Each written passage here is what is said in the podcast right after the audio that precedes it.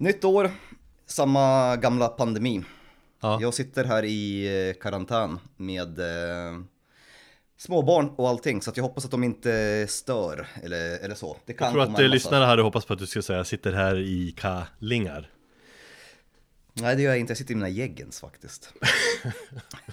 Ingen som vill prata om dem. Nej, men eh, så vi får se. Det kan säkert bli lite skrik här i bakgrunden eller så att de kommer och stör. Men, men det är som det är. Vi måste sitta här fram tills onsdag. Så att, ja, vad ska man göra? Ja, det är bara att köra. Det är bara att spela in podd och Ja, eh, njuta av läget. Och hoppas att det blir bra.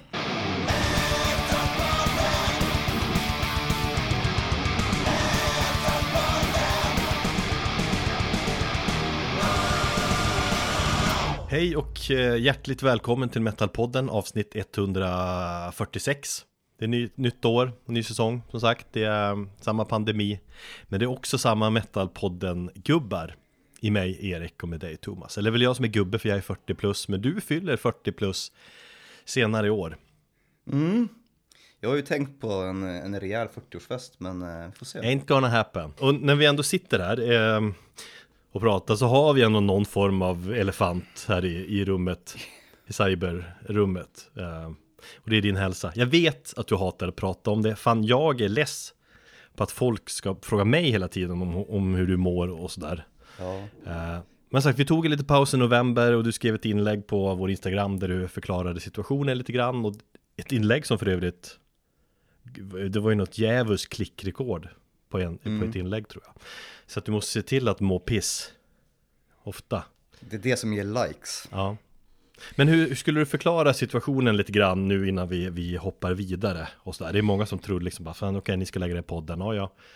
Ehm, Alltså jag vill ju inte lä- lägga ner podden och jag vill ju, vet du, det, förtydliga att mitt mående har inte med podden att göra, utan det är andra grejer i mitt liv som har gjort så att det spilt över och min energi har inte liksom räckt till för att kunna hantera detta. nej. Men för, förhoppningsvis så, så börjar saker och ting redas ut snart. eh, Och för mig så är det viktigt att hålla rutiner. Jag eh, tränar, inte nu när jag är i karantän då, men, men annars tränar jag regelbundet, käkar min medicin och går i terapi. Och eh, med det så lever jag ett ganska drägligt liv för tillfället. Mm. Det är inte fullt lika mörkt som det var. Det är väl framförallt liksom de här tre grejerna som, som, som gör att jag liksom håller mig flytande.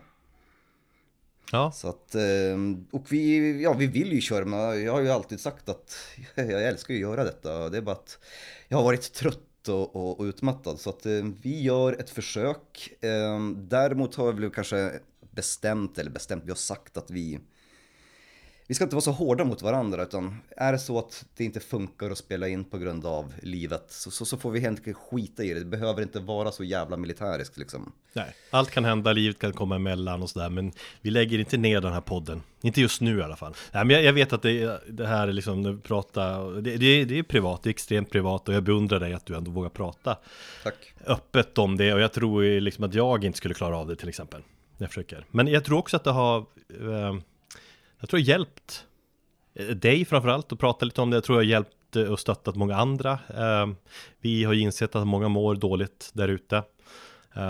Och i dagens restriktionspandemisamhälle så tror jag fler gör än någonsin. Eller jag vet det för övrigt. Jag såg på nyheterna i morse att antal samtal till BRIS hade fördubblats den här julen. Alltså just det, det. och det det är barn och ungdomar som mår jävligt pissigt som vill ta livet av sig och skär sig och sånt där. Alltså, Ja, det är, det är vidrigt. Det är vidrigt. det är en sida av det hela som man kanske inte får höra så ofta. Men, eh, och då kan jag konstatera att ditt jag är lite ljusare nu ändå. Jag märker det på att du är mer aktiv, vi snackar musik, vi kör vår jargong och Hitlerhumor och sånt där. Nej, men det var också kul igår, vi skrev om att eh, vi pratar om 2016, då, det var så mycket härligare 2016 Eh, Då var det mindre ångest och krångel, det var bara du och jag som konstant snackade musik och vi pratade inte barn och trötthet och, och, och, och döden och allt sånt där utan det var bara musik. Men det här, här är ju vår lilla hörna utanför allt det där andra. Utanför ekorrhjul och utanför stress och allt det där. Mm. Så har vi vår lilla podd. Och ni andra är ju välkomna att, att lyssna på det och tycker inte om det, nej, fuck off då. Ja, Men ni, ni brukar ju gilla det. Mm. Vi hoppar in tycker jag för att vi har en ganska stor uppgift här framför oss. Mm. Och jag är skitsugen på detta och är jävligt sugen på att höra dina tankar om musik musikåret 2021. Eh, så generellt då, vad, ska vi säga? Ja, alltså eh, allmänt kan vi säga att sen starten av den här podden har vi alltid avslutat varje år med att sammanfatta musikåret. Mm. Det har vi liksom hade vi tänkt att göra även 2021 i slutet där, men vi, vi tog sagt en liten paus, men vi tänkte göra det nu istället och på sätt och vis är det ju vettigare att göra det nu. Nu är året verkligen slut och nu kan man sammanfatta allt som har släppts. Vi kanske ska göra så i framtiden. Kanske. Fortsättnings fortsättningsvis. Ja, det är just därför det där med att släppa i slutet av året, liksom, det lever väl kvar lite grann på hur tidningar och sånt gör, deadlines och skit som du har mm. varit med om när du skrivit för close-up och, och, och, annat när du fick ett mail liksom från close-up Robban i typ juli och Tjena Thomas, eh, vi behöver din årsbästa lista nästa vecka, är det okej okay, eller? Ja, just det. Ja. Då är det bättre att göra det sent som möjligt. Eller i början av, av nästa år, vilket vi gör nu då. Vi blickar mm. tillbaka, vi pratar om musikåret 2021 och fan, jag känner ju att man måste göra det här för att man måste göra bokslut och kunna gå vidare. Innan vi går mer, mer specifikt in på skivor då, kan du, liksom, vad kan man säga i stort om 2021? Rent personligt så har ju mycket av mitt musiklyssnande och min musikpepp hämt ihop med min, alltså med min generella livspepp. Mm. Eh, jag var supertänd i början av året, alltså hela januari eh, hittade jag så jävla mycket bra musik och jag var superpeppad och sen så dog det ut ganska kraftigt och var ganska dött fram till hösten med små, små liksom enstaka infall här och där. Har det att göra med att det var dåligt musikutbud om man säger eller har det att göra med liksom allmänt samhället också hur det ser ut att det avspeglar sig på att man inte känner samma pepp kring musik? Ja, jag skulle säga en blandning av bägge två för att jag kände ju att Alltså jag, jag vill fortfarande liksom poängtera att jag tycker för varje år som går så tycker jag att det är mindre spännande att upptäcka ny musik, alltså musik som har släppts nu. Däremot så är jag sjukt mer peppad på att hitta ny musik för mig men som är gammal. Mm eh, som du och jag har pratat om. Jag tänkte att vi kanske skulle kunna låta det vara ett tema här för att jag, jag älskar att liksom gräva och hitta gamla gömda pärlor. Så det gör mig otroligt peppad. Men, men bara det här med att hitta ny musik, för jag, jag vet inte. Jag, antingen börjar man bli en grinig gammal gubbe för att jag tycker att det mesta, det är allt sällan som någonting nytt verkligen får att kittla i pungen. Ja, är det så du känner? Eller är det så jag känner? Jag, nej, jag tycker inte jag känner så. Jag tycker att det har väl varit en av räddningen med förra året. Eh, jag tror liksom, vi, vi är både överens om att 2021 har varit ganska konstigt år, precis som ja. 2020. Uh, ehm, men samtidigt har 2021 handlat mycket om att göra försöka gå tillbaka liksom, till ett normalare samhälle, lite fram och tillbaka sådär. Mm. Även om vi lever i den här globala pandemin och det ser ut att ha kvar en lång tid framåt. Vissa dagar är man så här full liksom att Ja men i mars kanske det kommer bli som vanligt igen och andra dagar känner jag att nej, den här pandemijäveln kommer att pågå många år till. Uh, och världen har förändrats i grunden allt. Men mitt i allt det så måste jag ändå säga att musiken för mig liksom, har varit en inspirationskälla, källa till lugn, källa till liksom att, eh, flykt. Och fan, jag tycker att metal är fortfarande så pass sjukt spännande musikgenre och i dels universumet till musikgenre så finns det fortfarande så mycket att upptäcka. Absolut, jag eh, talar inte emot det. Jag, jag, jag, förstår vad du säger. Det är väl bara att jag är kanske lite bittrare där och känner att jag kanske inte går igång på ny metal på samma sätt som du gör. Du är ju kanske lite mer öppen där.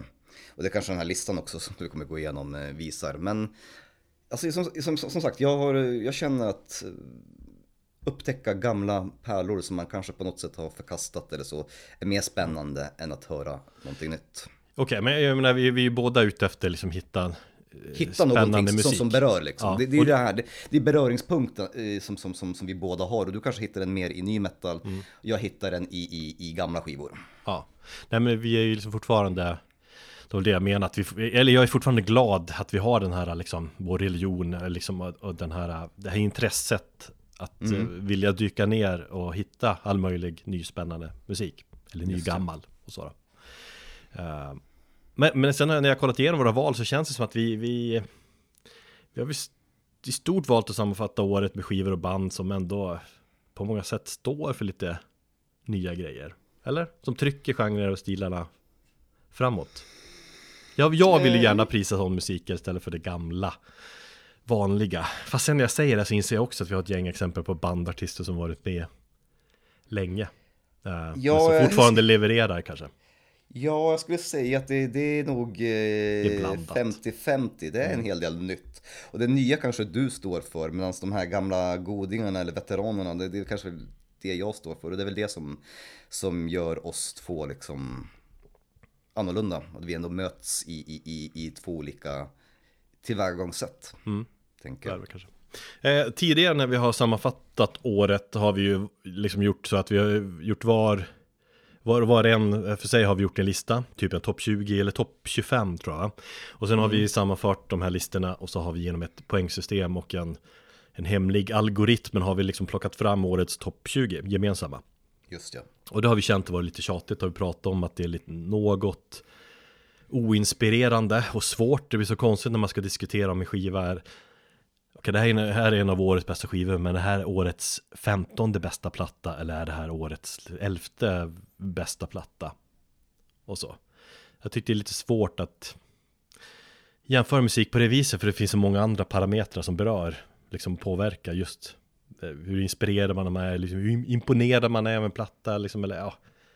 Ja, jag håller med dig. Jag har gjort på ett annat sätt den här gången. Och, och Ta bort eh, all form av sifferbetyg i recensioner och läs den jävla texten istället. Det är ju den som talar om för, om för dig hur musiken är, inte en jävla siffra.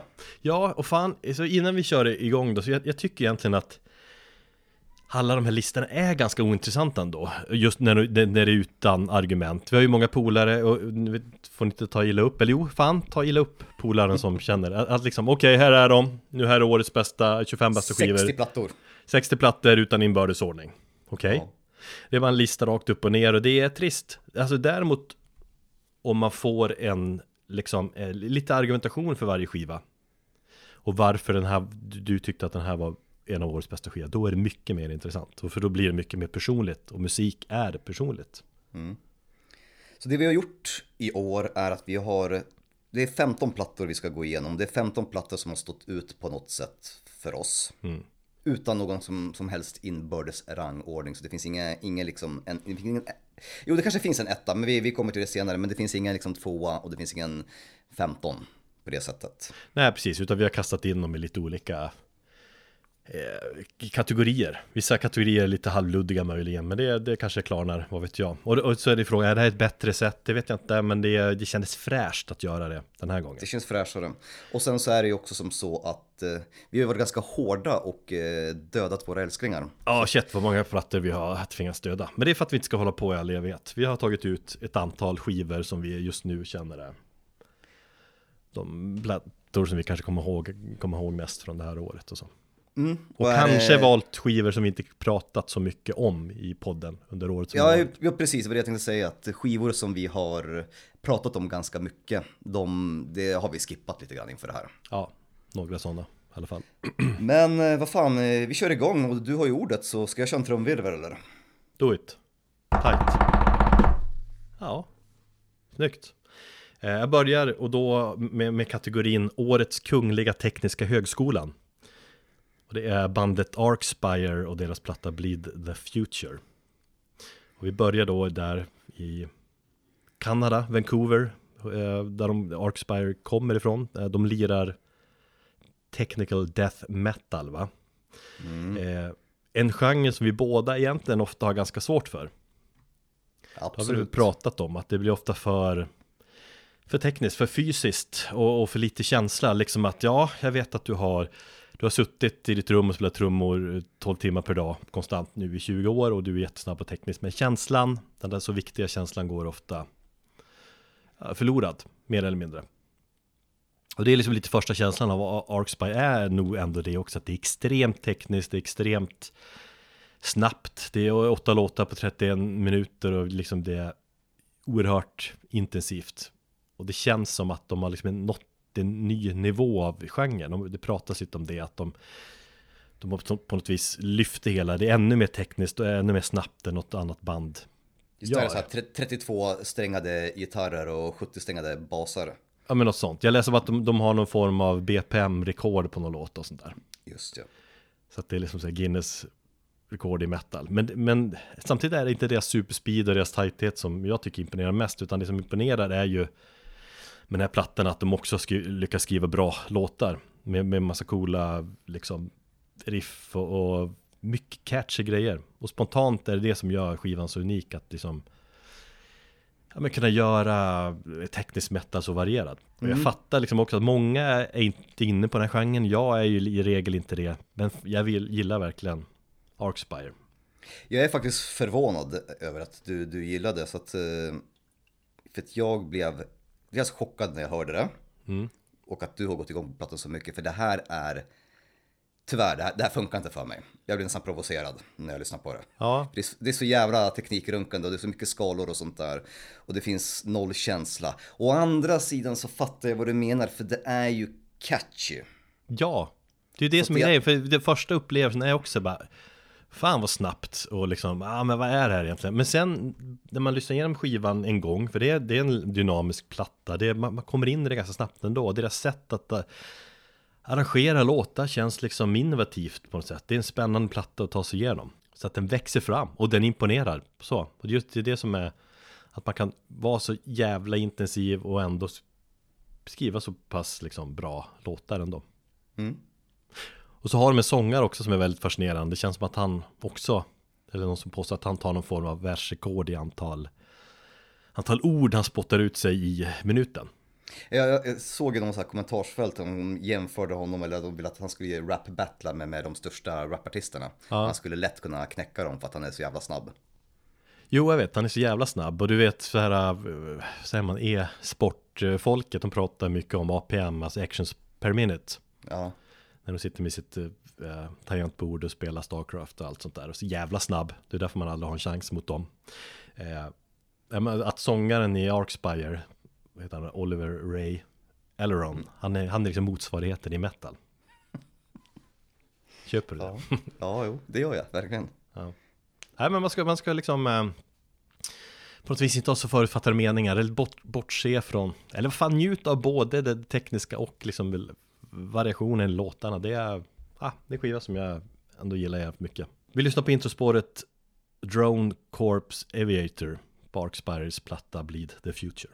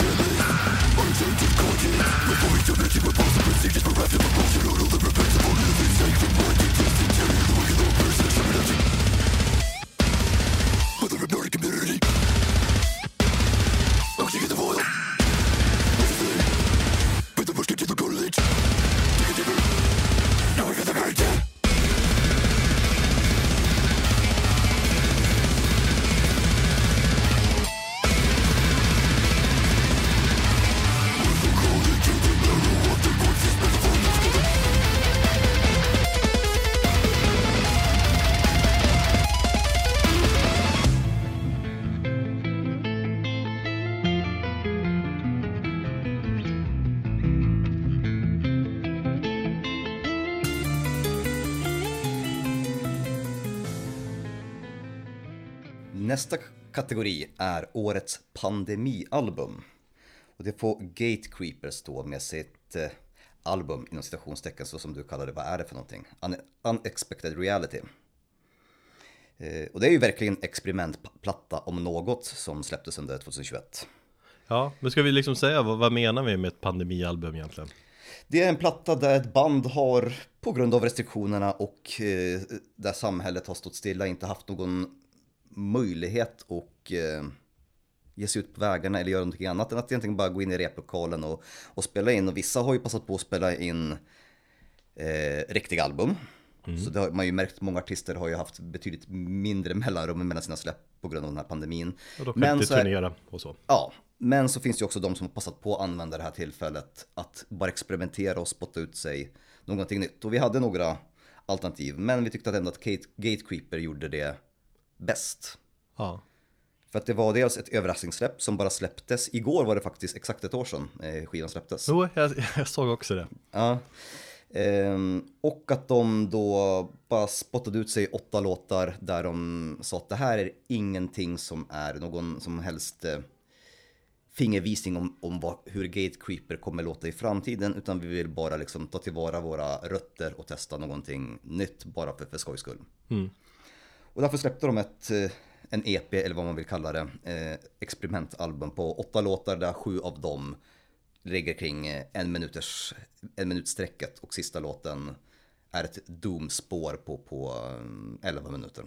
Ja. Så det är väldigt mycket hardcore och, och punk i, i, de snabba låtarna. Så de, de, de kallar ju ena sidan, A-sidan för, för the fast side och B-sidan för the slow side och så testar de bara hur Gatecreeper skulle låta i en annan skrud. Jag tror att det är det, är det som är nyckeln lite grann, att det, de säger själva att liksom, det här är inte vårt nästa album, utan det här, är, det här är någonting som står helt för sig själv, det är inte en EP, det är inte en fullängdare. Och jag, jag hakar upp mig lite grann på det där också, fick lite skit för det där. Men det är, de säger själva att det är någonting annat. Jag gillar det där tänket, att de har bara... Ja, de, de kallar ju aldrig det för ett album, de bara, här är åtta nya låtar. Ja. Och mm. den presentationen gör det liksom intressantare och så just att det finns ingen, fast ingen promotion överhuvudtaget. Nej. Och där bara det kändes liksom fräscht att uh, många menar att ja, men de kan fan ha satt en trend i det här, alltså här surprise uh, releaseplattor. Jo. Det har väl funnits sådana andra sådana förut också, men uh, att det experimentella idé kommer säkert fler band göra framöver också. Helt rätt.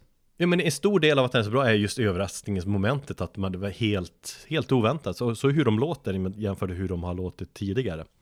Att, jo, liksom, precis.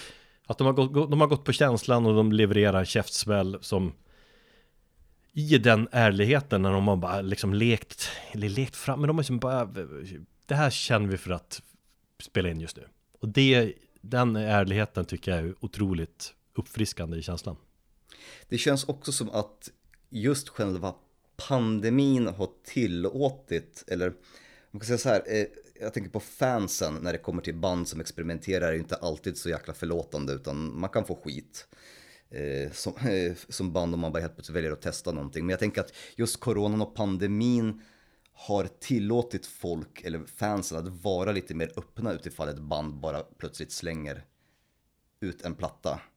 Mm. De skulle lika gärna kunna fått skit för det och bara vad fan är detta? Vi vill ju höra vanliga Gatecreeper. Men, men bara att folk vet om att bandet sitter, ingen, ingen har någonting att göra. Alla vill bara ha ny musik. Det finns ingen, inga spelningar att gå. Så har de liksom varit mest förlåt, mer förlåtande mot att bara, nej äh, men här kommer ny musik, skitbra. Det låter inte som vi, jag trodde men så att, ja, ja, det kan mycket, lite det kan försvar där också om det inte funkar kan de säga, äh, det var ju bara en liten pandemiplatta.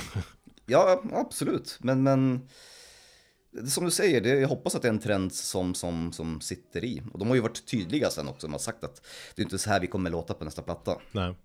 Hade Lulu eh, tagits emot bättre om den hade släppts under pandemin?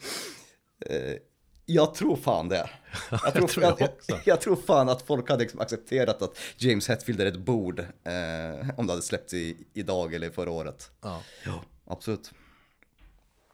Eh, vi lyssnar på Amputation från Gatecreepers O-album An Unexpected Reality.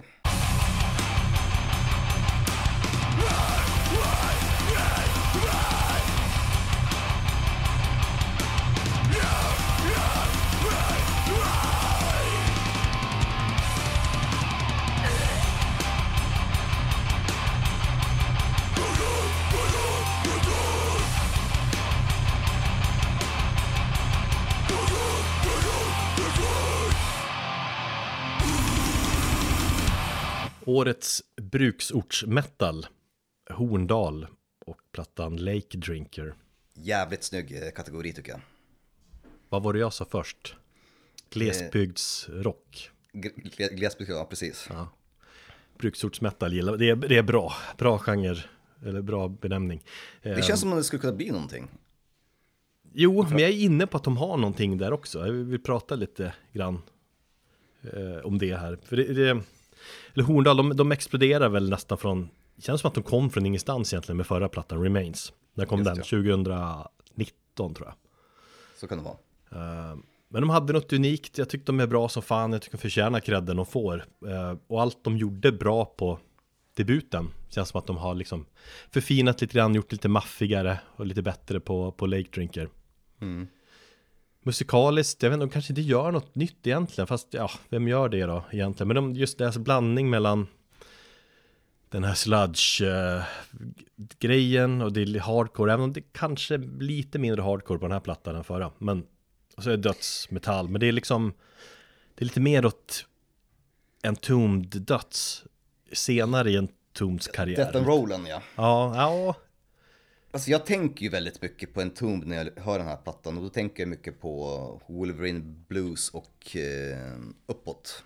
Ja, eller jag tycker senare. Wolverine Blues tycker jag ändå är tydligt Nick Andersson. Jag tycker att det är mera sådär Också någon platta senare kring 2000 där. Ja. Om man ska prata vilken del av Entombed. Men absolut, det är Entombed-aktigt. Och så tycker jag Horndal är lite, det är lite punkigt i, i känslan också. Mm. Eh, och en stor anledning att jag gillar platta så mycket är att det är riffigt. Det är liksom, det är otroligt riffig platta och det älskar jag. Jag tycker att varje låt innehåller egentligen liksom ett snyggt riff. Och jag som dyrkar riff och går igång på riff, det är, jag, jag lägger märke till sånt. Jo. Och det är riff också som ofta har bra högerhand. Det är bra rytmer i, i plektrumhanden. Uh, som jag också gillar. Jag tror att liksom självaste Hetfield hade liksom nickat gillande om man har hört den här plattan. Jaså? Det tror jag. Och just på grund av att det är snygg högerhand, där är ju Hetfield eh, världsbäst. Mm. Men som sagt, de blandar de här influenserna på ett snyggt sätt och så smutsar de ner det. Och så har du liksom Horndals grymma sound som verkar tilltala jävligt många.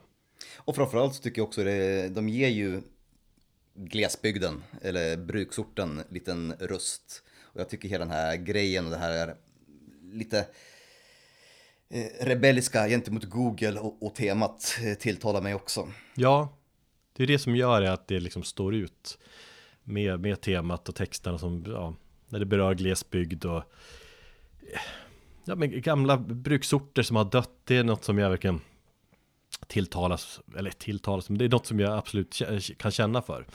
Hur det ser ut och vad, vad som har hänt med många orter utanför de här stora storstäderna. Historier som liksom känns som att ingen jävel innanför tullarna känner till eller bryr sig om överhuvudtaget. Precis. Jag ska faktiskt, eller jag vill åka dit. Eh, nästa gång jag vägen upp för Dalarna ska, till Dalarna så ska jag åka förbi Horndal. Ska du ta med en platta och posera med den vid, vid sjön där och så? Ja, vid, vid skylten in till stan, Horndal. Mm. Tänkte jag göra. Samtidigt med storyn, jag vet inte, första platta, eller förra plattan, då, då var ju liksom storyn om, om just Horndal som ort dog när bruket lades ner och så. Nu riktar man ju ilska lite mer åt, åt Google och, det, och deras liksom eventuella planer på att bygga en stor datahall mm. Eh, där i Horndal. Um, men det är liksom, det, de har ju inte klubbat igenom det, men de har ändå liksom förberett genom att avverka jävla massa skog och sådär. Just Om jag förstått det rätt. Uh, och sjön kan ta skada också om de ska bygga de här hallarna. Men um, det är väl lite mer i riktning att IT1 och sånt är monster och gör vad de vill. Um, jag tycker kanske temat inte är lika kraftfullt så eh, och berörande som förra. Jag är lite kluven där. Right. För att, ja men skulle Google och bygga så skulle det också innebära många arbetstillfällen och så.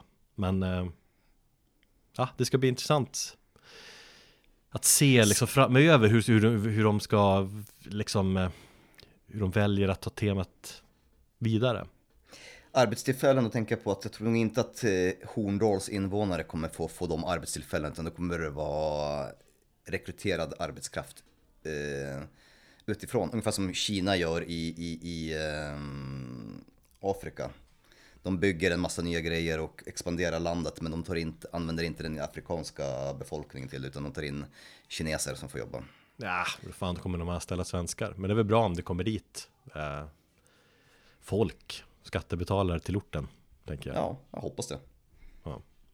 Nej men hur som helst, det, här liksom, de texterna, det här liksom historiken och sjunga om, det, det är ju Man gillar ju att de är historiska på det viset Och även politiska blir de ju Jo. Skulle, man skulle på något sätt ville ha mer av det här från andra band också, mer politik på det, mer, mer texter som berör, men det, det gäller ju också att göra det på rätt sätt och där tycker jag, jag tycker Horndal verkligen har lyckats.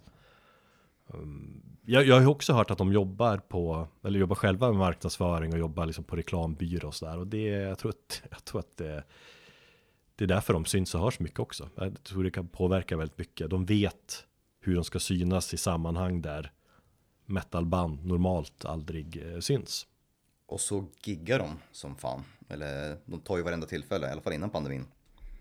Ja, de spelade väl nu senast på det här eh, rock, vad heter Just det? Royal Rock heter det va, på, i Globen. Mm. Och det var visst jävligt bra, sa de. Uh, Feffe från Bombus uh, joinade på någon sång och sådär. Just ja. Vi lyssnar på Horndals blodbad.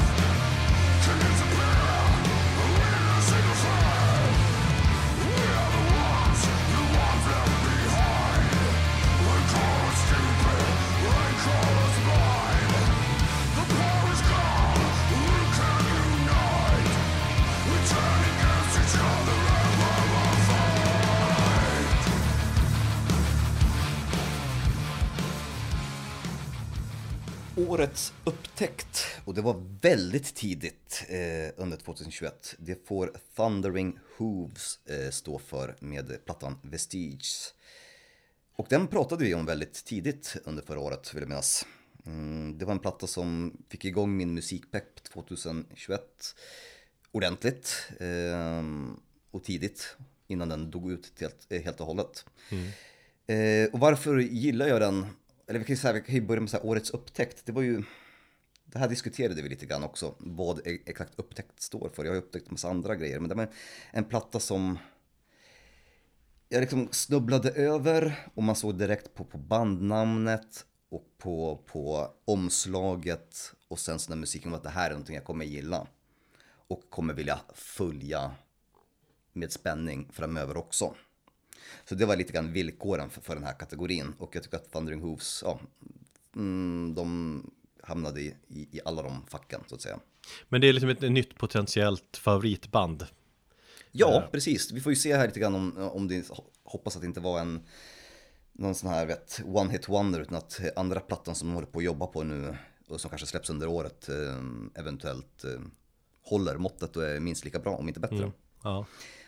Det jag gillade är ju att dels att det är ett, eh, två stycken relativt unga eh, britter som spelar black metal och eh, Storbritannien är ju inte speciellt känt för att ha bra black metal.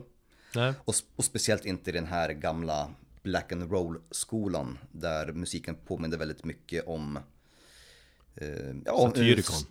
Satyricon, precis kring, kring millennieskiftet. Jag tänker på Naudia Bollikar-skivan och The Age of Nero. För det är när jag lyssnar på den här skivan, och ni vet att jag gillar, men det är, man hör ju att man hör ju varför. Jag känner direkt, ja det här är ju verkligen musik för Thomas. Mm. Ja, Jag gillar plattan som fan också, och jag håller med, det står ut att de är Londonbor och att de, de ser lite nördiga ut på deras bandbild. Det är alltså det är inget, det är inte det här vanliga poserandet på något vis, utan de är bara, vi gillar black metal och Ja, precis. De, ja, de står inte och, och, och, och liksom eh, poserar i corpse paint, men det är rakt upp och ner i en t-shirt och, och ser ganska glada ut och så låter de liksom, musiken tala för sig. Men jag tycker det är jävligt spännande black metal också, för det är liksom, ja, man, vissa hör black metal blir vissa lite av direkt, men jag tycker det var ovanligt, ovanligt dynamisk platta. Jag tycker också att man hör mycket så old school metal-influenser. Jag hör ju Black Sabbath och jag hör Judas Priest, hör det liksom i deras sound. Mm. De kallade ju musiken, vad var det jag, jag sa? Den? Eh, Black eh, Doom Metal of Death. Deras största ehm, eh, influenser var ju Black Sabbath, Bolt Thrower, Dark Throne och Satyricon. Ja. Och den gamla skogens 80-tals heavy metal. Så det hörs ju. Ja. Jo, det gjorde jag det verkligen. Nej men det, det, är ett spännande band som, som helt enkelt eh, fick mig lite grann att, att tappa, tappa hakan och så fullt under året och, och de släppte ju allting själva, de har gjort allting själva så det är ju verkligen en DIY-platta. Mm. Så årets upptäckt, eh, Thundering Hooves, eh, vi lyssnar på låten Goats Wood.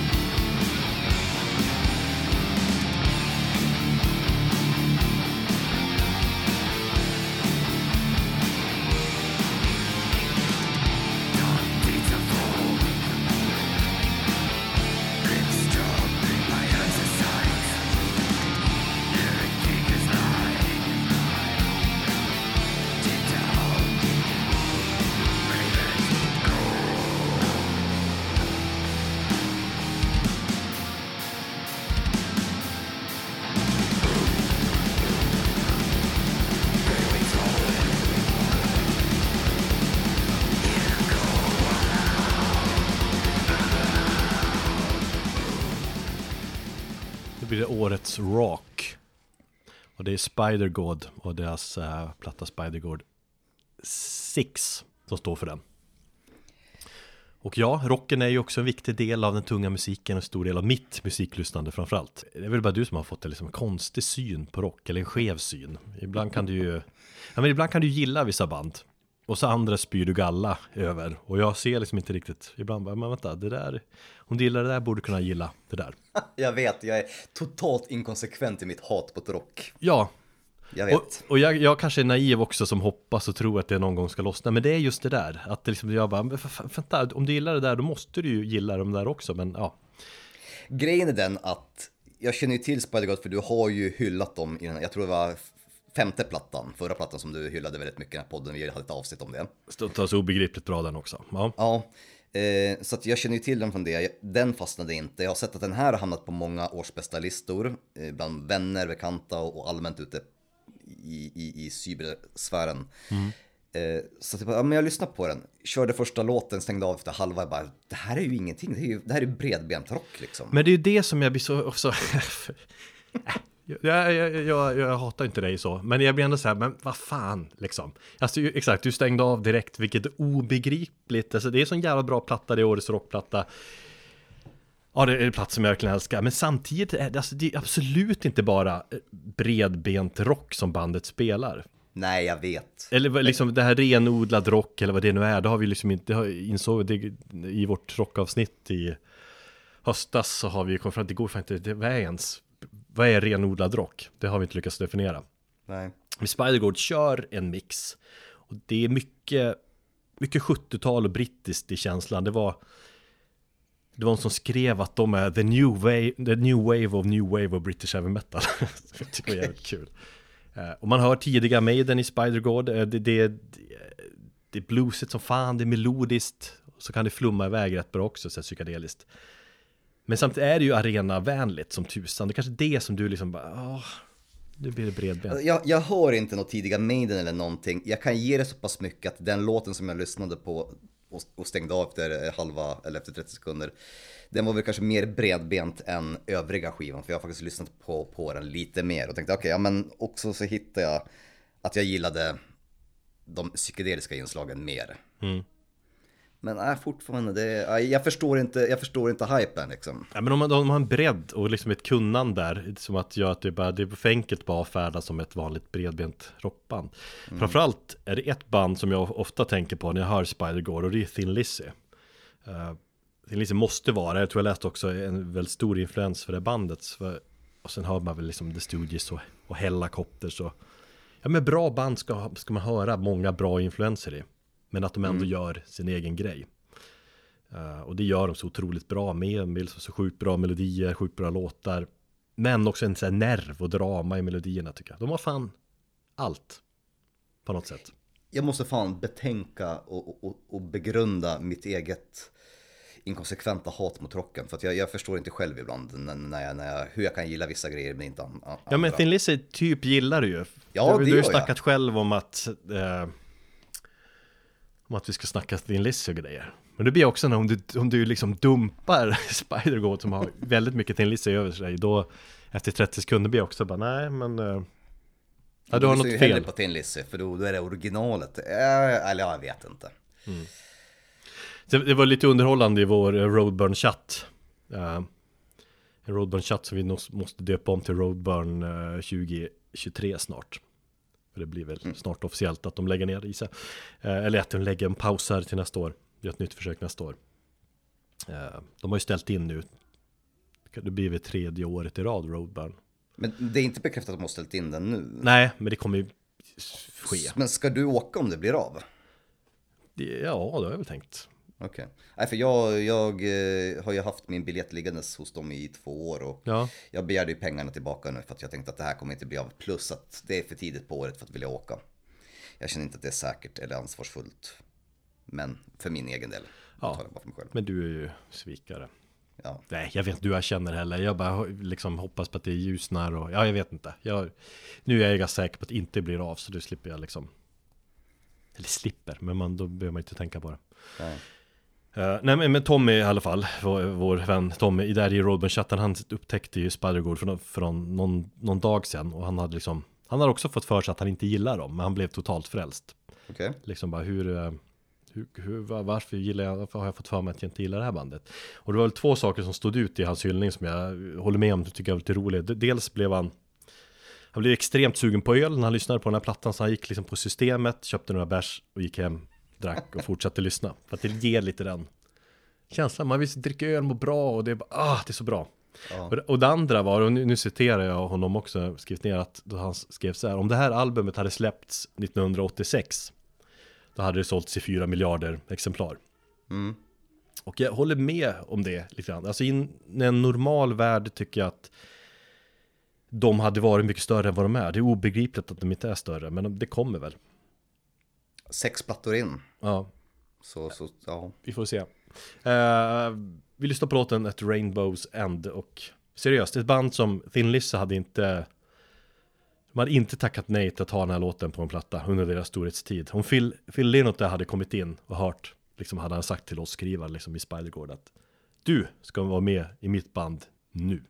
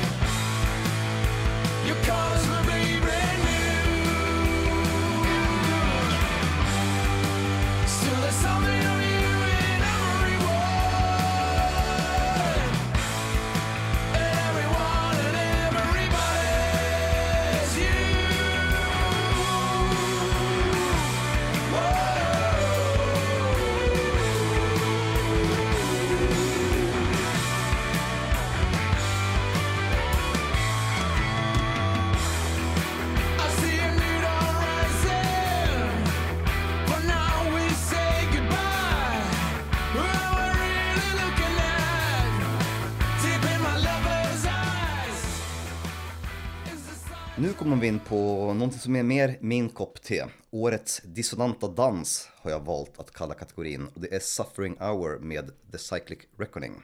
Du är så jävla nöjd med den kategorin också. jag använder det till och med i en, eh, fan var det någon kampanj på jobbet med, med den här skivan. Så att ja, jag sög på den ganska, ganska skönt. Men det, jag tycker det är jävligt bra för att hela den plattan är ju en dissonant dans. Det är ju liksom dissonant black metal, men på något sätt ganska svängig. Ja. Alltså det är svårt att säga, alltså, det är inte rock'n'roll eller black and roll svängig, men det finns någonting i den musiken som gör att som en nästan så här lite tantriskt i den. Ja men det här, det här tycker jag är ett perfekt exempel på ett band liksom som som gör någonting nytt. Det är alltså bara, gitarristen är så sjukt fascinerande. Jag fattar inte vad, hur han spelar, jag fattar inte vad han håller på med. Det är ett band som fascinerar. Och som är otroligt svårdefinierat. Jag har lyssnat igenom plattan två gånger och jag liksom varje gång bara Vänta, vad lyssnar jag på för något? Mm. Och det, det älskar jag, när, man, när det blir lite så här genre löst på det viset. Ja, Suffering Hour är ju någonstans i någon form av så här mellanläge. Jag var, ju, jag var inte speciellt såld på dem med, eh, det här, det här är deras andra platta. Eh, fullängdaren, man hörde man, okej, okay, de, de ligger någonstans här i black dödsträsket, de försöker på någonting eh, annorlunda. Sen släppte de någon EP eller någon singel där de testade grejer. Men det känns som att de fick till sitt sound på riktigt på den här plattan. Och det var också så här, det här är en platta när jag såg omslaget, det här kommer jag digga direkt. Mm. Eh, svart. Så det var en svart, och men så här ganska klassiskt ändå, någon, någon klassiskt eh, motiv på, på omslaget också. Eh, och sen som du säger, det är jävligt duktiga musiker. På sista låten, den är ju ganska lång och där har du jävligt sjuka gitarriff och, och liksom nästan skalor som är liksom åt det tekniska hållet men där aldrig det tekniska blir för tekniskt utan känslan bibehålls.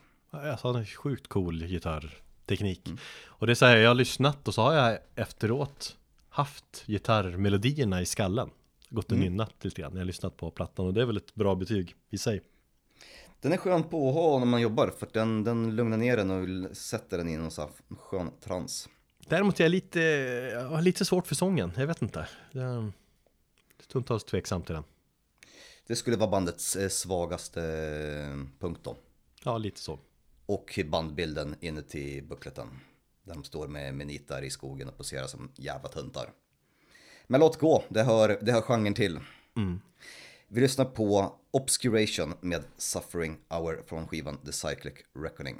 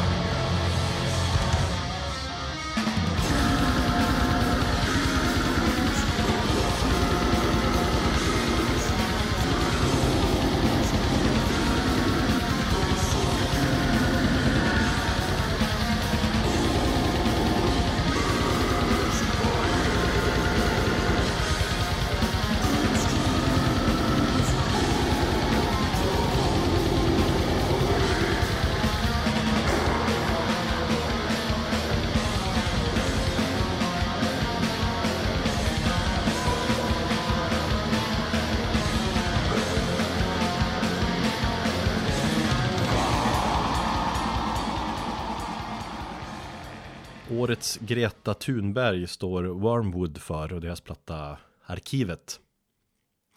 Eh, jag vet inte hur de beskriver sin musik egentligen, Wormwood, men de, jag skulle vilja beskriva bäst som melankolisk och melodisk eh, black metal. Ja, melodisk black metal tror jag att de, de kallar ja. Skivan skulle ju heta Vita Arkivet innan den döptes om. Ja. Eh, Vita arkivet är, eh, det är väl, något, det är väl Fonus som skickade ett eh, kravbrett till dem och sa att de inte fick använda det, den titeln. Vadå, vad har, vad, hur använder Fonus Vita arkivet då? Ja men det är ju någon form, nu vet jag inte exakt riktigt vad, vad det är, men det är väl um, något arkiv där, där man får lämna in, eller släktingar kan, kan hitta, ja, testamenten och sådär. Jag, jag är inte riktigt hundra på vad det är, men jag minns i alla fall att uh, Fonus sa, uh, nej, det här går inte. Så man var tvungen att döpa om det, i och med att det var trademarkat tror jag det är det. Eller det fanns för hög igenkänningsfaktor. Var ett black metal band och Fonus har gemensamt, eller hur de på något sätt kan, kan gå i clinch med varandra, det förstår jag inte. Men jag vet att bandet inte orkade ta den fighten. Ja. Så de sket i det och döpte om bara plattan till arkivet. Ja, fine. Arkivet är ju snyggt också. Ja. Uh, I övrigt måste jag säga att vi har ganska lite svart metall med i år. Uh, ja. Det är den här uh, Suffering Hour, vet jag inte, det är någonstans i något svart fack. Thundering oh. Hooves är väl mest Ja, eller vad fan de nu kör då. Men eh, vad, ja, vad kan man säga om det allmänt? Om black metal? Ja, men har det varit ett dåligt år för black metal? Ja, inte dåligt, jag skulle inte säga att det var då dåligt år. Eller jag var bara inte intresserad av black metal under 2021. Eh, och jag har märkt min, min, min fokus, i alla fall under senare hälften, låg ju mer på döds. Men det är alltså i och med att jag är en periodare och, och hade jag kanske varit mer peppad på black metal så hade jag eh, kanske letat mer. Mm. Jag är lite Nej, så är det väl allmänt när jag tänker på året eller som står ute här. Det är ju mycket dödsmetall alltså. Mm, verkligen. Så är det. Vi har listat Wormwoods-arkivet som årets Greta Thunberg. Det var, det var en rolig kategori från din sida. Mm. Varför? Vad betyder det, den, den, den kategorin? Får du förklara för lyssnarna. Mer, mer om det snart. Men jag tycker också att kategorin hade också kunnat heta Årets melankoli. Ja, okej. Okay, ja. för, för det är liksom i, på något vis, i melankolin som Wormwood, det är där de har berört mig. De är, okay. mm. ja, men de är otroligt skickliga på att skriva de här melodierna som, ja fan, det är någon klyscha man inte försöker beskriva, men liksom att de på något vis når de fram till hjärtat och berör. Mm. Just att det är så sorgset och det är så ödesmättat och vackert. Och det, det är det liksom tillsammans med, med temat så, som verkligen står ut. Och det, plattan handlar väl i stort sett om mänskligheten, om hur vi förstör vår planet och vilka, vilka jävla as vi är. Skivan tror jag, eller temat på att det är väl liksom att ska beröra, det är slutet av vår tid här på jorden, de sista människorna som dör ut. Ja, det är väl en platta som är väldigt talande för den tid vi lever i. Miljöångest, klimatpåverkan och så. Jo, men att det är liksom, det är vårt fel och vi förtjänar det på något vis. Och jag gillar liksom den tanken. Jag re rekommenderar att kolla in eh, videon till avslutningsspåret The Gentle Touch of Humanity som visar Jävligt skicklig video, visar bilder, liksom, det är en lång låt, det är väl nio minuter eller något sånt där. Men det visar bilder på vad vi gör med vår jord, vad vi gjort eh, och vad vi gör med varandra. Det är starkt och det är mörkt och det liksom visar samtidigt det här budskapet om att det man känner, det är som att ja, mänsklighet, det är vi som är cancern, det är vi som är avskummen och vi förtjänar liksom inte att bo på den här planeten egentligen. Nej, vi är ett virus. Jag tror att vi kommer dö ut och eh, planeten kommer återhämta sig och en ny civilisation kommer växa fram. Och det, är det, också, det läste jag också om, liksom att om vi skulle dö ut, visst det skulle bli lite katastrofer med kärnkraftverk och grejer, men eh, i längden, och du vet inte hur många, liksom hundratals, tusen år framåt, men det är bara en liten piss i, i det stora hela som mm. jorden har funnits. Men i längden skulle liksom inga liksom ledtrådar finnas eller något spår av att, att människan har funnits. Förutom typ pyramiderna. Okay. Allt annat skulle liksom rosta sönder och förtvina och eh, Vad säger man på engelska eller på svenska? Corrode. Corrode. Ja. Va? Corrode, rosta ja. sönder. Ja. Mm. Vittra sönder. Ja. Ja men det finns ju, det finns en YouTube Och då skulle vi vara, det är helt liksom bara en liten parentes i, med, jordens historia Det finns flera YouTube-dokumentärer där de går igenom vad som skulle hända efter att människan hade dött ut Då går de igenom ett år, fem år, tio år, 50 år, 100 Mm. upp till, till något, något, någon miljon år efter mänsklighetens utdöende. Skitintressant. Mm. Och så mm. visar de vad som skulle hända med samhället. Rekommenderar jag att googla på. Mm. Ja, det kanske var något sånt jag såg också. Mm. Ja, men det är fascinerande att leka med den tanken. Jag kommer att tänka på i, i klassrummet när man gick typ i lågstadiet, när man satt ut hela tidslinjen på, som jorden har funnits. Ja, de här äh, krita-perioden och alla de där perioderna som dinosaurien fanns, som fanns sedan ganska länge. Och så människan, vi har ju bara funnits typ någon centimeter på hela, liksom, tidslinjen var he hela väggen i klassrummet. Just ja. Vi, vi är liksom, vi har knappt varit här, men vi håller på att förstöra allt. Jo. Viruset. Eh, och det är just den här lyriken tillsammans med musiken som, som att det samspelar så snyggt. Eh, och det, efter varje lyssning så skapar det känslor i, i, i mig, påverkar mig. Och visst, det är en platta som har blivit ganska hypad tror jag, men fan det, det är riktigt bra. Vackert och melankoliskt. Mm. Och sen tror jag också, för att ta, ta en annan lite vinkel, att Visst, det är ju black metal och någonstans i därmed någon form av extrem metal. Men jag upplever ändå liksom att Wormwood på något vis spelar en form av black metal som är ganska lätt att ta till sig. Jag det kan jag hålla med om. Jag tror att bandet kan vara en ganska lämplig inkörsport till black metal i allmänhet. Ja, det finns inte mer eh, potentiell eh, eller så kommersiell hitfaktor i musiken. Ja. Den är lite light-versionig av sig. Jo. Mm. Men bra ändå. Eh, vi lyssnar på låten End of Message.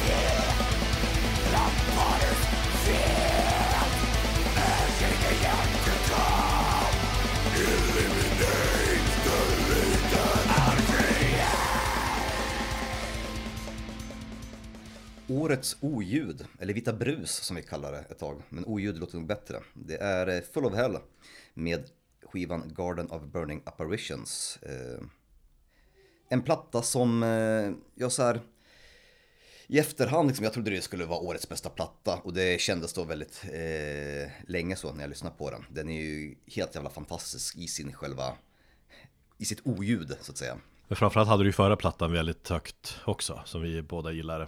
Ja, precis. Ehm, och jag tycker väl att det är en, egentligen en, det enda jag egentligen saknar med den här plattan, det är väl att det finns en... Ehm, jag var inte överraskad hur det skulle låta. Det är bra, men det var inte överraskande hur det skulle låta.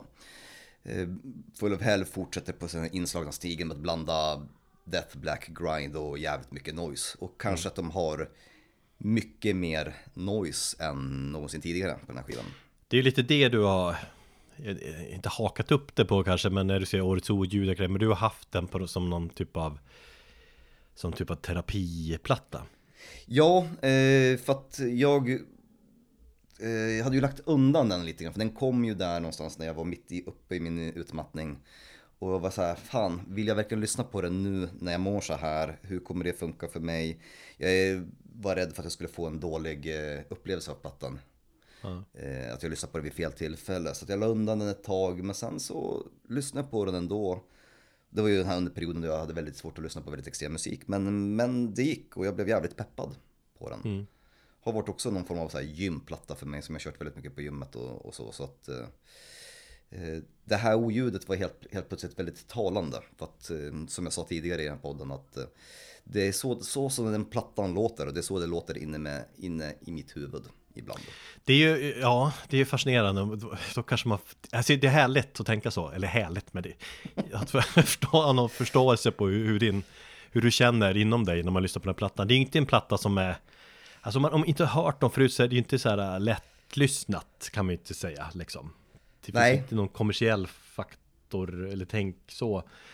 Uh, men, men exakt, du har använt som någon form av vitt brus eller, eller fan, det är ju platta som får fick dig in i, tillbaka till metal på något vis men jag, jag gillar ju, jag skulle också vilja beskriva det som årets liksom innovativa grind, alltså det är där de, de ligger, alltså det här, det här i framkant av att ta genren vidare. Det finns inga begränsningar vad de håller på med. De har liksom den här härliga mixen av, som du säger, som hardcore noise och döds och grind. Mm. Ja absolut, de är ju superinnovativa och de fick ju oss också, gav ju en idé på ett eventuellt framtida avsnitt som vi vill Ja. göra. Mm. Och det, Så alltså det, det, det är därför jag älskar dem så mycket, för att det här gränslösa och det tokbrutala. Och så den här, det är en låt på plattan som är bara noise. Ja, Som är, och det kan man diskutera, ha, hur mycket, är det här en låt eller inte och sånt där. Men det, äh, det är en platta som äh, fascinerar. Det är ju också en platta som fick mig att börja uppskatta noise betydligt mycket mer än vad jag har gjort tidigare. Eh, Vi lyssnar på den där noisiga, no- noisiga spåret. Det är bara, vad är det? En minuts oljud. Mm. Non-atomism från Garden of Burning Apparitions med Full of Hell.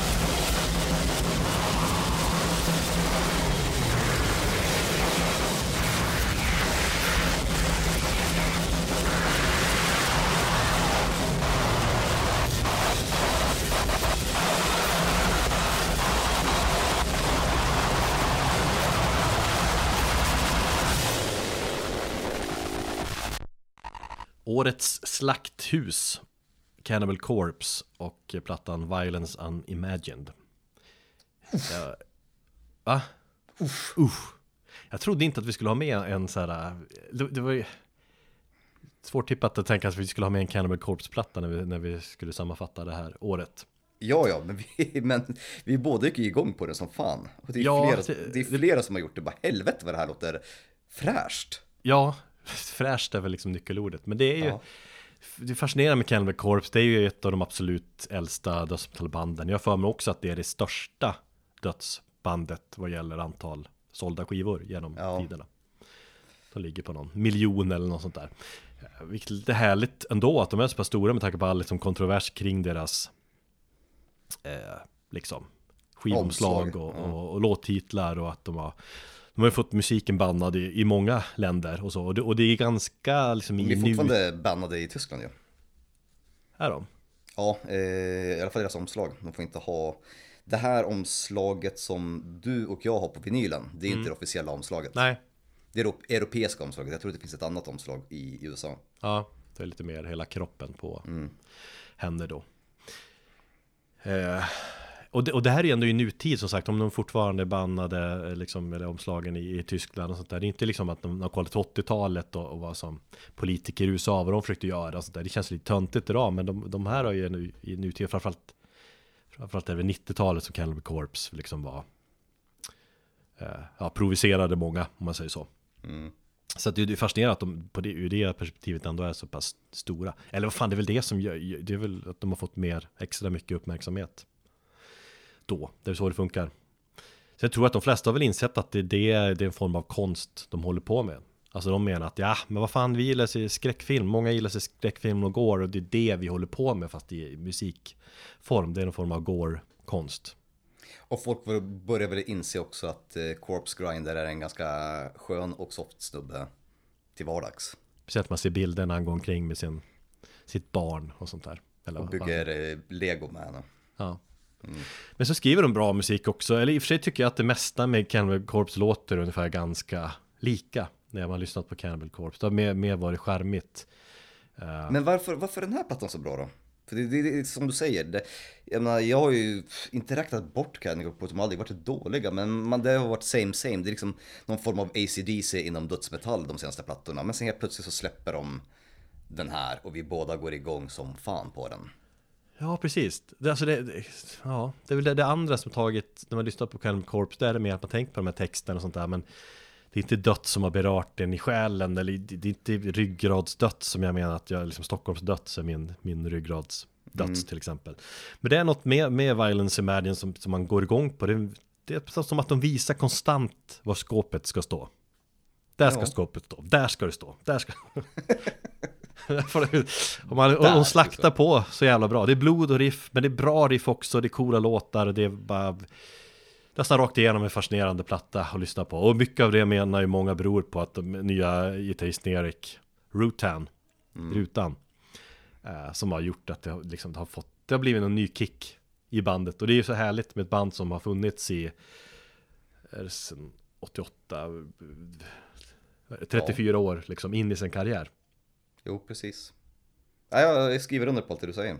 Och så, men sen tror jag också att, att 2021 har varit, det har varit dödsmetallens år på något vis. Som, det, och dödsmetallen kommer i alla dess olika former. Uh, har dödsmetall någonsin varit så här stort? Det känns inte som det. Det är mycket döds nu överallt. Ja, det har varit, ja, det varit många, om man, man ska ta paraplybegreppet döds och skit i subgenrerna så har det varit väldigt stort under 2021. Det håller om. Ja, ja, och det känns som att döds finns överallt. Och det är det är nya band liksom som tolkar och har sina gamla favoriter. Men det är också ny, eller, gamla band liksom som Cannibal Corpse. Och det ja, det finns ju rykten om att en tom kommer med nytt och sånt där. Så att det, nice. det är dödsen mår bra helt enkelt på 20-talet. Gott så. Vi lyssnar på Inhumane Harvest.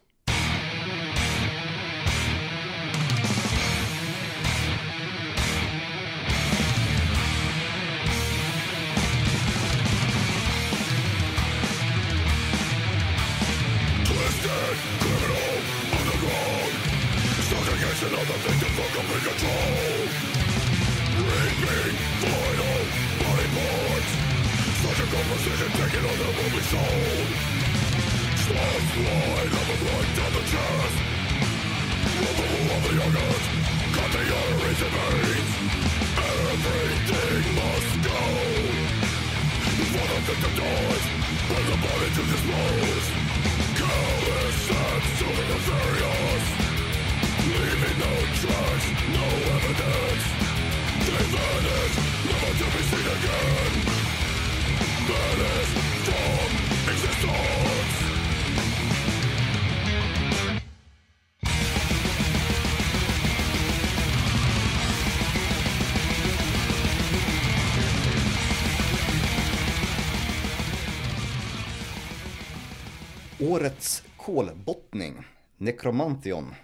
med plattan Visions of Trismegistos. Eh, nio år tog det sedan förra plattan eh, Rise Volcan Spectre. Så att eh, mina förväntningar var ju sky, skyhöga. Jag tror vi pratade om det förut, men kan du ta det igen? Var, varför eh, tog det så jävla lång tid? Du, det vet jag faktiskt inte eh, om jag ska vara ärlig. Eh, jag antar att de har varit lite upptagna med... Andra alltså, band. Ja, nu har jag inte hundra koll på det där, men de spelar ju, alla i kolbotten spelar ju med varandra. Mm. Så att jag vet att Obliteration, en av terroristen spelar Obliteration och varit där, så har de spelat med, så att det, ja, det har väl bara varit sådana grejer. Jag, jag, vet inte varför det har tagit så lång tid egentligen. Vi har ju pratat om att vi vill göra de här, eller det kanske inte gjort, men lite grann, vi har fascinerat med att vi ska åka till geografiska platser. Du vet, Ja. vi måste ju ändå göra Norge, vi måste ju gå ner till helvete där, eh, posera, Jo, men också vet. åka till liksom Kolbotten, eller vad det heter. För det är väl det utanför Oslo. Ja, precis. Det gör vi, Vi Någon gång. kör. Ja, efter pandemin. vi kör dit. Nej men alltså jag tycker att Necromantian har ju någonting jäkligt skönt i sin så nedsvärtade thrash metal. Det är liksom, det är hårt. Det är, det enda egentligen, om man skulle säga negativa, det var att plattan skulle kunna ha en lite fetare ljudbild. Jag tyckte basen att den är, låter lite svag, men det är fortfarande jävligt bra låtar. Det är liksom thrash attack i, i ungefär en halvtimme och man får det man förväntar sig. Högkvalitativ eh, nedsvärtad thrash. Eh, Och som, som får en att liksom bara vilja hytta med näven, peka finger åt gamlingar och polisen och typ sparka ner gr- ja, inte, betongsuggor. För mig, liksom när jag har lyssnat på den, så jag anser att det, det är ändå produktionen som gör att plattan blir så pass bra. Alltså ja, lite grann att det ska låta sådär halvkackigt. Eller liksom halvsvagt. Precis, ja, men det blir en form av, visst det är vi supermedvetet på alla sätt för att det, man vill det, det ska vara det här liksom mer smutsiga 80-tals thrash-soundet eller något sånt där. Men det finns en råhet där. Och en, liksom, då blir det också som någon form av äkthet när man låter så här, som jag till exempel inte känner alls när jag lyssnar på de här stora thrashbanden från eh, Bay Area, liksom som vi har diskuterat, Testament och Exodus som idag Fan, ja. det, det är en trygghet och gubbighet där och, och som, som eh, Och, de, och de, de, de plattorna, de artisterna, eh, det fallerar ju på att de har oftast en väldigt komprimerad ljudproduktion. Som Ja. känns väldigt livlös. Och, Ja, det blir slät, polerat och intetsägande och även om liksom jag stundtals ändå gick igång på nya Exodus på grund av att jag är så jävla svag för, för liksom Gary Holt och sådär men sen har jag svårt för fan Exodus-sångaren då måste jag säga men den Åh. plattan i längden blir ändå såhär bara ah fan och Testament släppte de den förra året eller var det för förra men det du vet nej Ja, jag, förstår Jag har ungefär samma tankar om Exodus också. Lyssnade igenom en gång, det var kul, men det var inte så mycket mer än så. nej Och samma sak med, med, med Testament och, och... Men nej, de, de plattorna eller de artisterna saknar, till skillnad från då Necromantion, nerv i sin musik. Ja. Och det, om jag skulle liksom välja, vilken, vilken musikgenre är egentligen hårdast? Då tycker jag ändå det är thrash metal. Riktigt brutal, välspelad, hård thrash, krossar allt annat. Mm. Döds är mer liksom på något vis, av mer tekniskt, men jag vet inte. Varje gång man såg Slayer så insåg man, ja shit, och nu spöar de alla andra band igen. Ja. Jo. Och det är den känslan jag får när jag lyssnar på Necromantium, att, liksom att det finns, ja, det är ju jävligt mycket Slayer, det, fan, det, väl.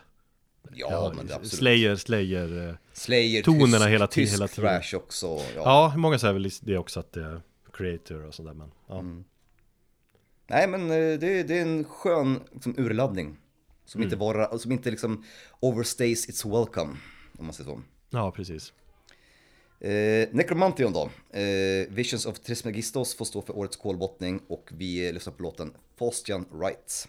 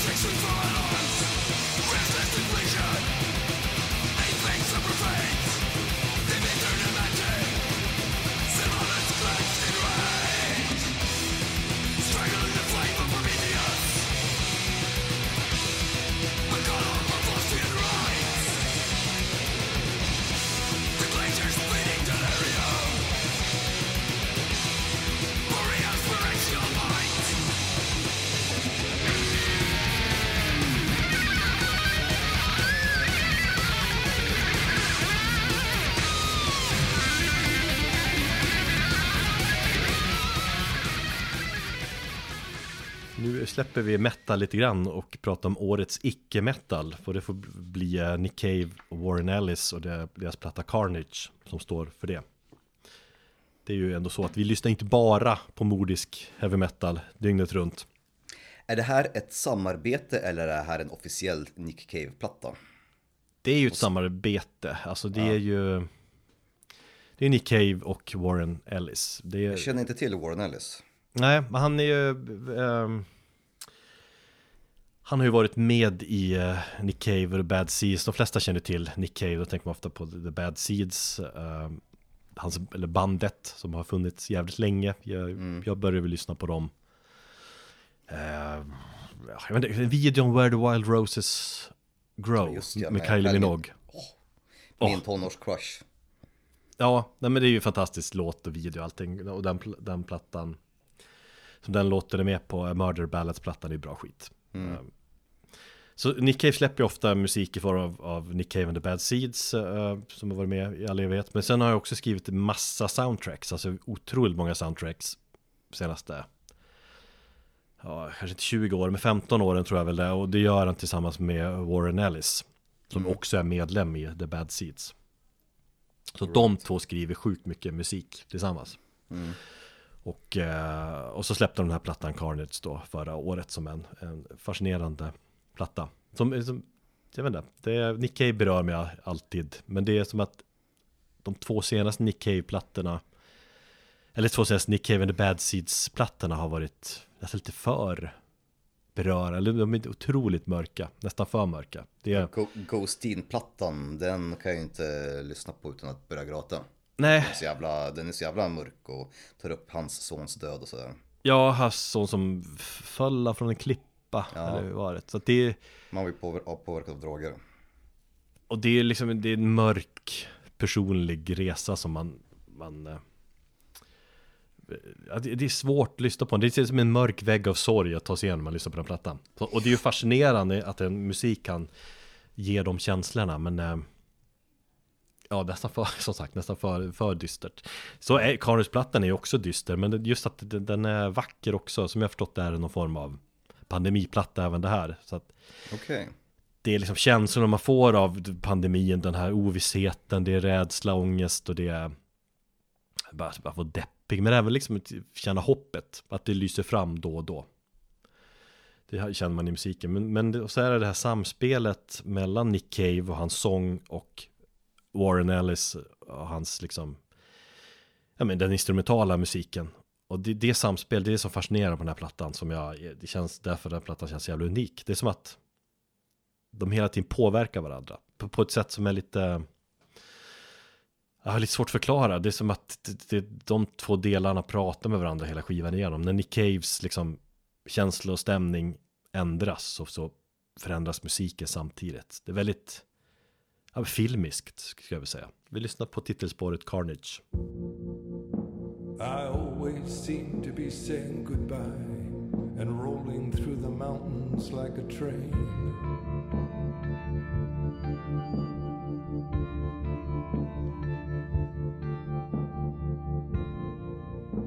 My uncle's at the chopping block, turning chickens into fountains. I'm a barefoot child watching in the rain.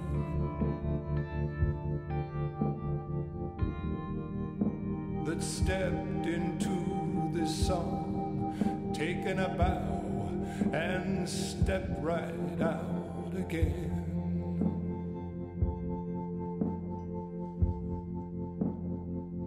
I'm sitting on the balcony reading Flannery O'Connor with a pencil and a plan.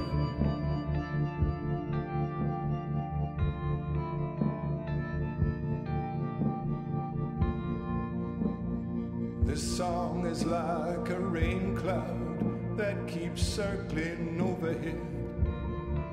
And there it comes around again.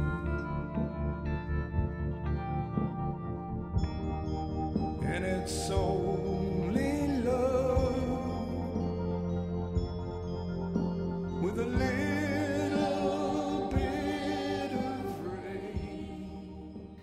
Nästa kategori, årets Tompa Lindberg har vi valt att kalla den. För att eh, Tompa Lindberg har ju varit ganska, eller ganska, han har varit väldigt verksam under 2021.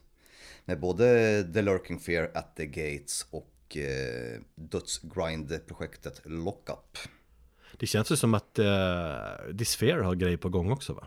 Det har vi väl hört från Ja, jo, de har väl något nytt material sen så, en, eller de håller väl på att spela in, nej, ja, eller skriver någonting sånt, ja. Det har väl hört från gemensam vän, ja. Som repar på samma ställe ja. Det vore fan jävligt intressant att höra faktiskt. ja, Tompa är alltid aktuell Tompa är aktuell och det är ändå en bedrift att släppa liksom tre stycken eh, plattor under ett och samma år med tre olika band. Och han har ju en hel del band som vi kanske går igenom någon gång i något framtida avsnitt. Mm, Men- kul att göra Hans största insats för mig eh, är i The Lurking Fear och plattan Death Menace Horror Decay. eh, Som jag även kallade ett tag för årets Lovecraft. Ja, Jag, jag älskar ju det här Lovecraft-temat som The Lurking Fear använder sig av. Ehm, Och eh, för mig så är det också någonstans, det är väl en årets dödsplatta.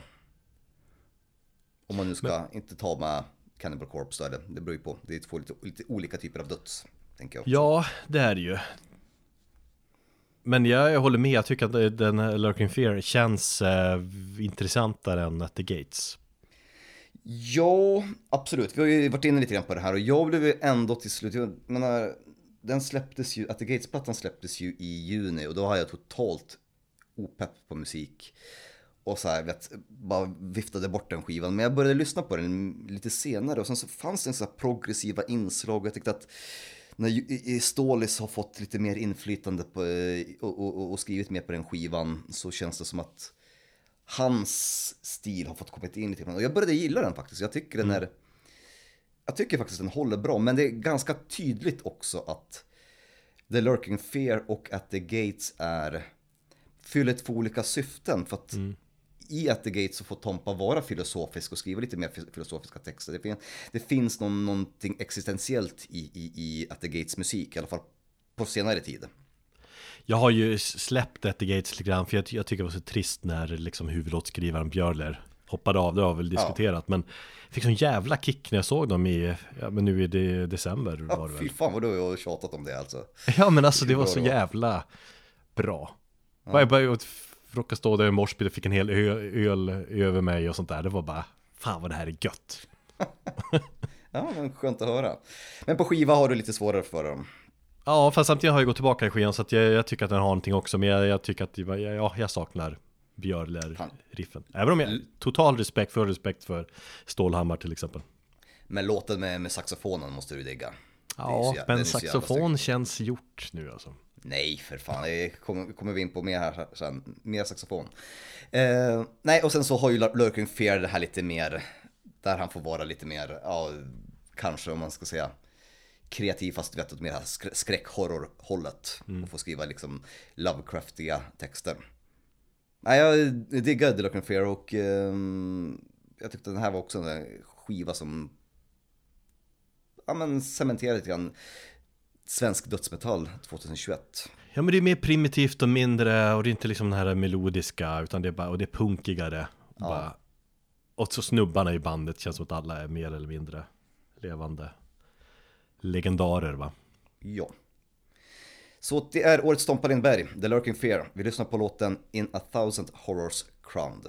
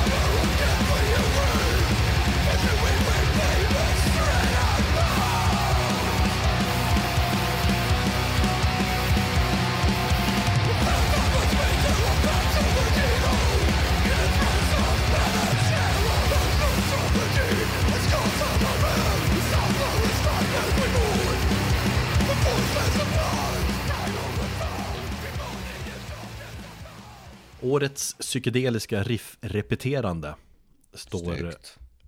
ja, står Domkraft för och plattan eh, Seeds. Först kan man väl säga att den här svenska domscenen som vi har pratat mycket om förut eller i, i den här poddens historia står sig fortfarande väldigt stark. Det är många Det känns som att det är många svenska band, eller det är ju det som, har, som rör sig inom det här Doom-universumet som har släppt plattor förra året och släppt bra plattor. Ja, vad hade vi? Vi hade Domkraft, Monolord, Conis, uh, Spelljammer, uh, Alastor. Ja. Ja, just ja. Men, ja, så det, det är bra plattor jag skulle kunna Kon- prata om. konkurrensen har ju varit hård. Det har det. Men, men för mig är det ändå ett band som har stått ut och det är ett band som verkligen har gjort ett stort intryck och det är Domkraft med Seeds som är en platta som jag har det är en platta som jag återkommit till mycket he, hela året. Mm. Och det som är bra med, eller det som är det bästa med Domkraft på något vis, det är att de blir, det känns som att de blir bättre och bättre för varje skiva.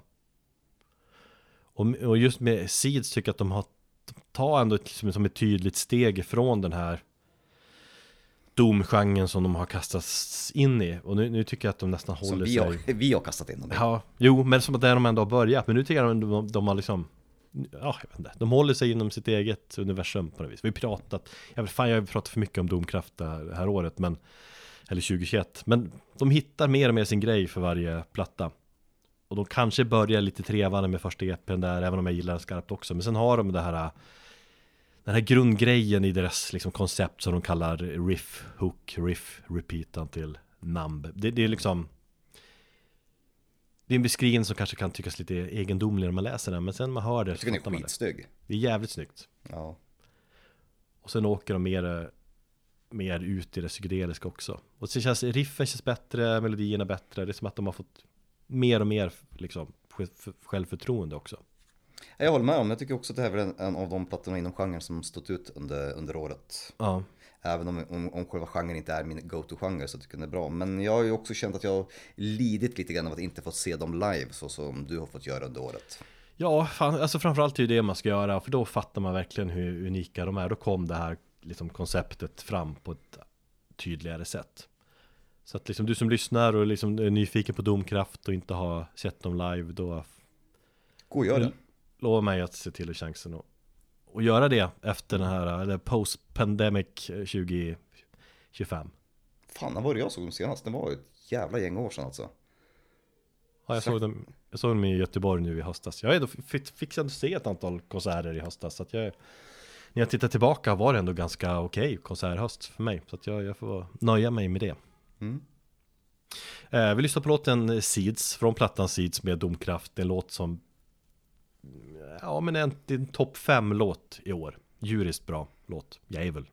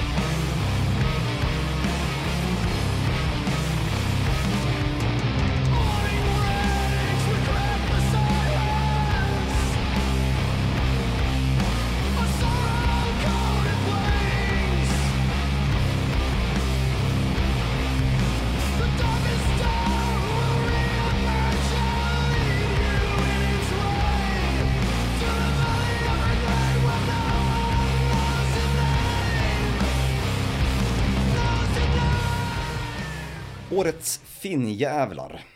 Concrete Winds med plattan Nerve Butcherer. Och det här är faktiskt en väldigt ehm, sen entry i själva 2021, för den plattan kom ju sent på året. Det var ju slutet av november faktiskt. Ehm, Och den golvade mig så jävla totalt. Och jag vill också, den fyllde också samma syfte som eh, eh, Full of Hell. Det här bruset och oljudet som på något sätt lugnade ner mig. Jag tycker det är så jävla fascinerande hur mänskliga psyket funkar. Och om jag går tillbaka till mig själv, hur jag liksom mådde fysiskt dåligt och, kräktes av att lyssna på Gate Creeper i, i so under sommaren.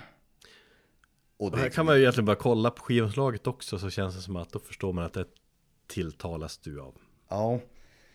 Men samtidigt så, så, så, när jag inte kan lyssna på Gate Creeper och sen helt plötsligt så, så känner jag mig lugn av att lyssna på Concrete Winds. För det här är kanske det stökigaste jag har hört på väldigt, väldigt länge. Och det hårdaste jag har hört på väldigt länge. Jag tycker att när det handlar om bara brutal musik så, så, så är Concrete Winds utan tvekan förra årets vinnare.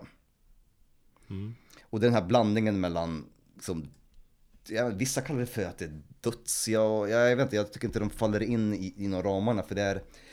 Är det, det är en döds- blandning, va? Det är så. dödsblind, grindcore, är det... Det finns som hardcore grejer, det finns war metal, det finns liksom power violence riff i, i det.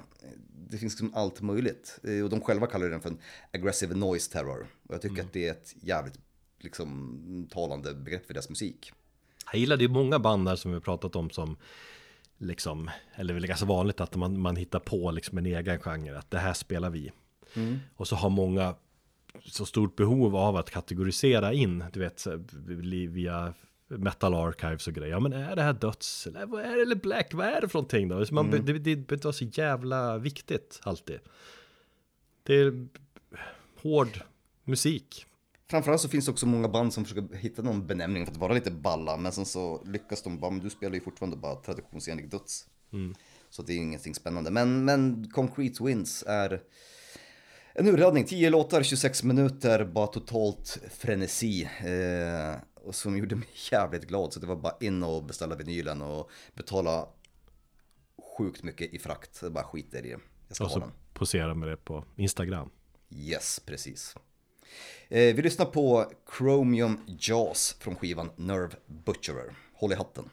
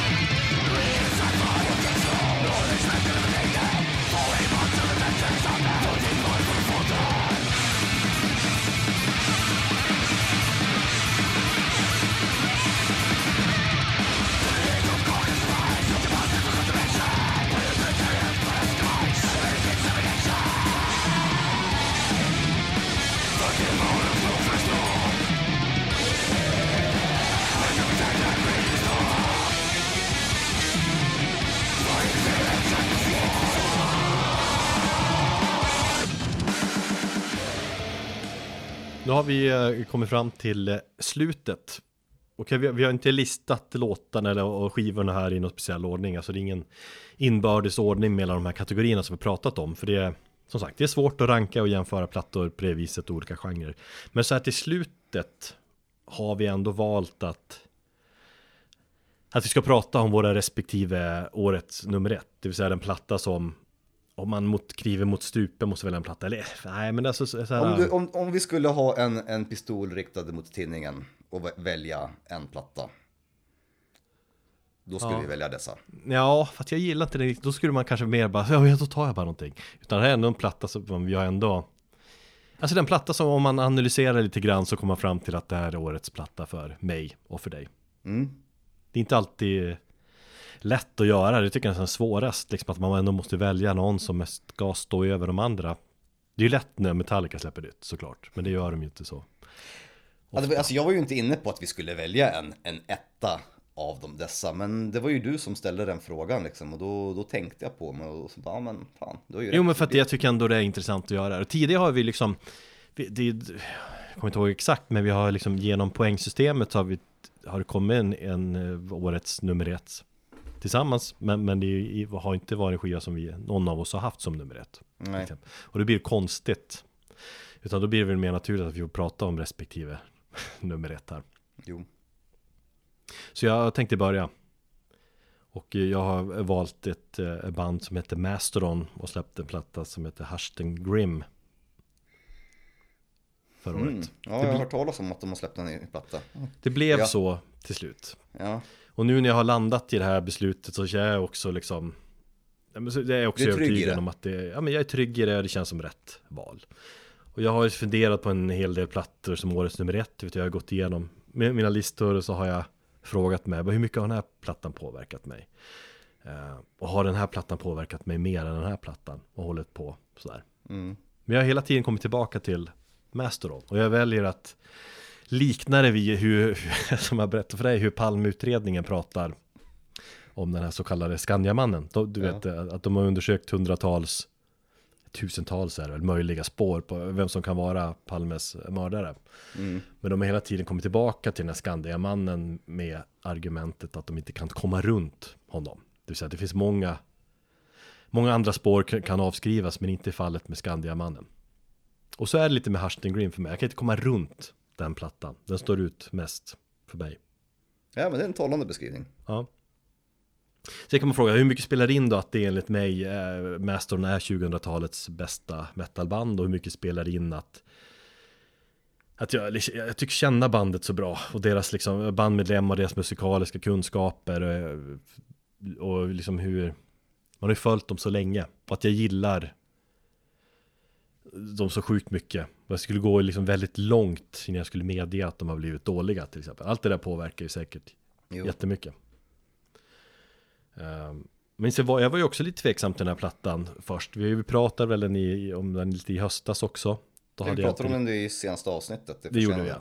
Men det har jag fan förträngt vid det här laget. Men vi har ju båda varit inne på den att den har varit lite segstartad. Alltså man, jag, har- jag har smakat på den jävligt länge. Jag har lärt mig den långsamt men säkert. Men den har samtidigt växt och växt och växt. Alltså det är en, en platta som, som kräver mycket lyssna för att den är så lång. Den är en och, en, en och en halv timme musik liksom. Eh, Så att den har hittat hem till slut. Ja, jag står kvar vid vad jag sa där i senast. Att, eh, nej, den kanske har någonting och jag tror att det kommer utkristallisera sig efter, efter eh, ett gäng år möjligtvis. Men ett gäng år. Nej, men, vet, man, att man måste bara kunna glömma bort det här och vet, sluta, sluta tänka på att man, man måste bedöma. En vacker dag kanske kan ta upp skivan och lyssna på den utan att eh, liksom tänka att oh, det här är aktuellt, jag behöver tycka till om den inför en podd eller någonting sånt. Jag kanske plockar upp den nu i, i en skivbutik om några år. För att jag, ja, bara, bara liksom det att man kan göra det mer avslappnat. Jo. För att jag, ja, jag håller fast vid att jag har kanske ändrat lite grann. Jag är inte helt övertygad ännu, men, men ja. Jag tyckte den var tråkig i början. Jag tycker fortfarande det finns en hel del utfyllnadsspår. Jag tycker att folk snackar om den här, vad är det, sista låten som heter Gigantum, eller vad den heter. Den fattar jag inte, jag tycker den är skitdålig till exempel. Nej, alltså du gillar inte första riffet där. Hur hur var det du beskrev det? Töntigt riff eller något sånt där. För glatt eller sånt där. Nej, oinspirerat f- för att vara Mastodon. Jag tyckte bara för, för slätstruket tror jag det var. Tyckte jag. Men sen hur den ändrar form, alltså efter halva låt tycker jag är fantastisk. Men, Ja, eh, nej, men som sagt, jag, jag, får, jag får lyssna på lite mer avslappnat så jag hör av mig om, om tre fyra år. Ja, jag ringer upp dig då. Nej men för mig väl utkristalliserades den väl liksom, eller vad man ska säga, framförallt när jag var uppe i, i Norrland nu i två veckor under julen så hittade Ja, den verkligen hem och växte ytterligare. Så den, är- den är ju otroligt bred, musikaliskt så bjuder den på det mesta. Det, det, det, det är ändå mycket flörta tycker jag med 20 år gamla Masteron. Eh, ibland. Eh, men även nya spännande liksom, grejer och spännande tongångar. Jag tycker det är så häftigt att de ändå fortsätter att utveckla sig. Det har ju många svårt för.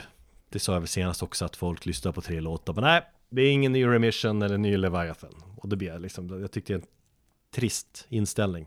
Mm. För att de bjuder på så mycket mer musikaliskt. Det är, den är stundtals tung, stundtals ganska nedtonad och, och mörk. Och lite flummig. Eh, jag tror att sk- skivtiteln säger mycket om plattan och temat. Om man nu ska översätta Hashtag till liksom att skivan är tystnad eller lugnad och dyster eller något sånt där. Jaha, jag har, inte, jag har inte riktigt fattat vad den där titeln ska betyda. Nej men jag tolkar lite så att den, ja, jag vet inte, jag har inte läst så mycket om vad de har sagt om titeln så, men jag, att jag tycker att det, det säger en del om musiken så. Mm. För i de senaste skivorna har de ju snackat mycket om att det är som de skriver musik när någon har dött. Liksom. Ehm, den, nu var det ju deras manager som dog och den här skivan är väl ganska eh, Just ja. stora delar riktad till honom. Mm. Så att de blir inspirerade när någon, någon i deras närhet eh, dör eller sånt här. Och döden och sorgen och just det, är ju en stor del av Mastodon och det är det jag, jag påverkas mycket av. Det är också inte bara de här coola riffen och så.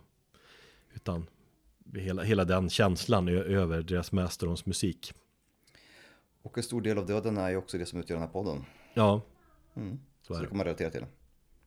Nej men sen är det också så här grejer som att det, det är ju typ min favorit metal-trummis Så jag, jag tycker att Brandale också ha- har en av metals snyggaste sång Sångstilar just nu jag tycker Bill Keller tycker jag är en av de bästa riffarna i metal Till exempel Tycker Brants flummiga solon hur, hur hög han nu är när han När han lägger dem Men de är, de är alltid härliga liksom Mm. det finns många sådana grejer. Så mycket musik som, som hittar hem till slut. Eh, och därför är det för mig årets bästa platta. Eller 2021 års bästa platta. Vi ska lyssna lite på mysballaden Had It All because, because you like it. Ja, den är fin. Jag snackar engelska. Nej men jag tror det var väl, vi skrev något sånt i chatten att fan vad den är, den är bäst. Ja, Ja. den är fin. Och sen vi, ville vi ha det lite mysigt här. Det är väl en, jag tror det är en låt som är riktad mest till eh, managern där som dog. Ehm, och så just att för att det är deras mest balladiga låt någonsin, det måste det väl vara. Det finns också ett grymt eh, solo av Soundgarden, gitarristen. Okej. Som jag hörde direkt. Jag visste inte att det var han som la solot, men jag hörde direkt att det här måste vara Kim, hur fan uttalar man hans namn? Thiel, eller vad man säger. Mm. Mastodon.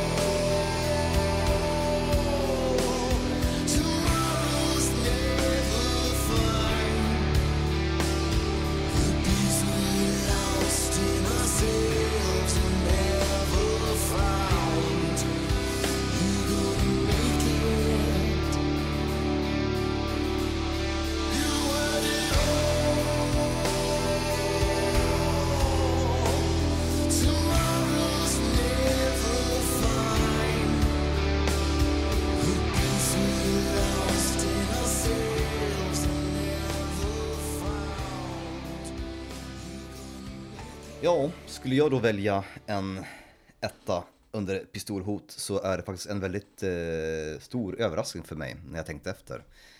Och det är Converge med eh, plattan Blood Moon 1.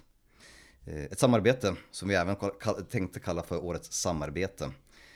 Även årets ja, överraskning på något sätt. För att jag har ju totalt räknat bort Converge. Jag har inte varit världens största Converge-fan, men jag har diggat många grejer de gjort. Jag tycker att plattan Axe to Fall, till exempel 2009 och All We Love We Leave Behind från 2013 kanske, eller 15 eh, är skitbra. Det är väl mitt största problem med Converge, att jag har aldrig varit Converge-frälst som många andra. Eh, Sen absolut att de har haft en stor del, eller att de har, har influerat otroligt många band, det har man ju liksom fattat. Men jag har aldrig, när de har kört sina plattor på Roadburn och grejer, har jag liksom bara, bara äh, det är jag liksom ganska ointresserad av. Så jag tycker ju att bandets eh, svaghet är sångaren Jacob Bannon, för jag tycker att ibland, ibland funkar hans eh, röst bra, men ibland blir det en hel del bjäbbande. Och jag, jag, jag får liksom så här en, en, en visualisering av, av en liten chihuahua-hund när jag, när jag lyssnar på Converge. Och, men det som gör att den här plattan blev årets etta, det är för att jag dels hade räknat bort eh, bandet och hade inte förväntat mig någonting. Jag tänkte när jag sätter på den så var jag så här, ja men jag sätter på den bara för att höra vad det är. Och blev golvad. Nummer två, att det är ett samarbete med Chelsea Wolf där de har eh, blivit väldigt mer dynamiska och där de inte håller på och eh, köttar loss utan det är väldigt lugn skiva på det sättet. Och faktumet att de har tagit in Steven Brodsky från Mutoid Man, Cave In också, som har fått sitta sin prägel på musiken. Så att det blir, det är ju inte en riktig Converge-platta, utan det är någonting nytt. Men de har ju existerat i varje sorts 25 år. Och de lyckas göra någonting jävligt intressant och fräscht liksom, så långt in i karriären med hjälp av liksom, ett samarbete och att ta in lite nytt blod. Ja, det är väl det, är det som är det framförallt det mest intressanta. Frågan är, jo det räknas väl som en Converge-platta, men det, man kan ju också räkna det som att någonting eget. Eller någonting som står utanför diskografin och att det, är- det är Converge med Chelsea som är grej. Jag tycker ju, när jag har lyssnat på den, eh, du, en del så är det ju en platta som jag känner att jag borde kanske ha lyssnat mer på. Vet ju att det är en platta som må, många gillar att ha högt upp och sånt där på årsbästa listorna. Men som sagt, jag har ju aldrig liksom känt det här, det här Converge-peppen. Så. Nej, som sagt, jag hade, jag hade räknat ut dem helt. eh, Och så hade det inte varit för att jag också har insett så här i efterhand att de ehm, Converge-låtar som jag har gillat mest och som är mina personliga favoriter är deras lugna spår. På Axe to Fall har du en ballad som heter Cruel Bloom tillsammans med eh, Scott Kelly från The Roses. På All We Love We Leave Behind så är deras bästa låt en lugnare låt. Och när du då får en skiva som går i ett lugnare tempo så känner jag att det tilltalar mig. För jag tror inte jag vill ha mitt Converge eh, mathcoreit och hardcore-rensigt utan jag tycker att de betydligt mycket bättre när de saktar ner tempot. Ja, nej, men jag håller, håller med. Och så, även om jag liksom, älskar Converge så, liksom, men så älskar jag ju Chelsea Wolf. Um, Abyss heter platta va, som jag hade som Oh, årets bästa när den nu kom, 2000 någonting. Mm. 16 kanske. Eh, och, då, och just det är det som är så jävla spännande med den här plattan, att det är ett samarbete som känns helt liksom, ja, det är så jävla oväntat. Oväntat, och, men det låter ändå, och sen ändå när man lyssnar på det så tycker jag det är ganska väntat. Eller det, det låter Ja, jo, jag vet, jag vet det, det gifter sig ju jävligt bra. Det är gift, ja, exakt. Men det är också så här, det är inte så att man skulle bara Fan, det Chelsea Wolf och Converse borde göra en grej Det känns som Nej, förhand helt otänkbart Och det är därför det blir liksom så liksom wow-känsla när man lyssnar på det att Shit, det här var ju riktigt bra och oväntat Det var lite sån här känsla jag skulle vilja ha haft när Emma Ruth Rundle gjorde ett samarbete med Thou. Men som jag aldrig riktigt fick. Ja, stundtals tycker jag att det var coolt Okej. Mm. Eller Ja, när Lou, Lou Reed eh, samarbetade med Metallica I am the table. Så att eh, någonstans så, så, så, så tycker jag att Converge eh, är, eller någonstans, det är helt enkelt min, min etta när jag, när jag liksom, om jag nu ska använda din, din teori här, kommer, jag kommer inte runt det. Jag, jag, tänkte, jag tänkte någonstans att det borde ju vara Full of Hell, men Full of Hell var ändå en platta som jag hade förväntat mig och visste hur det skulle låta. Det här var en ändå liksom, wow, okej, jävlar, det här trodde jag inte. Gott så, vi, vi lyssnar på låten Viscera of Men med Converge eh, från plattan Blood Moon. Och med det avslutar vi också det här avsnittet. Känns Ja. kul, känns bra. Det känns eh, det här bokslutet som jag brukar prata om. Det är viktigt och det är skönt.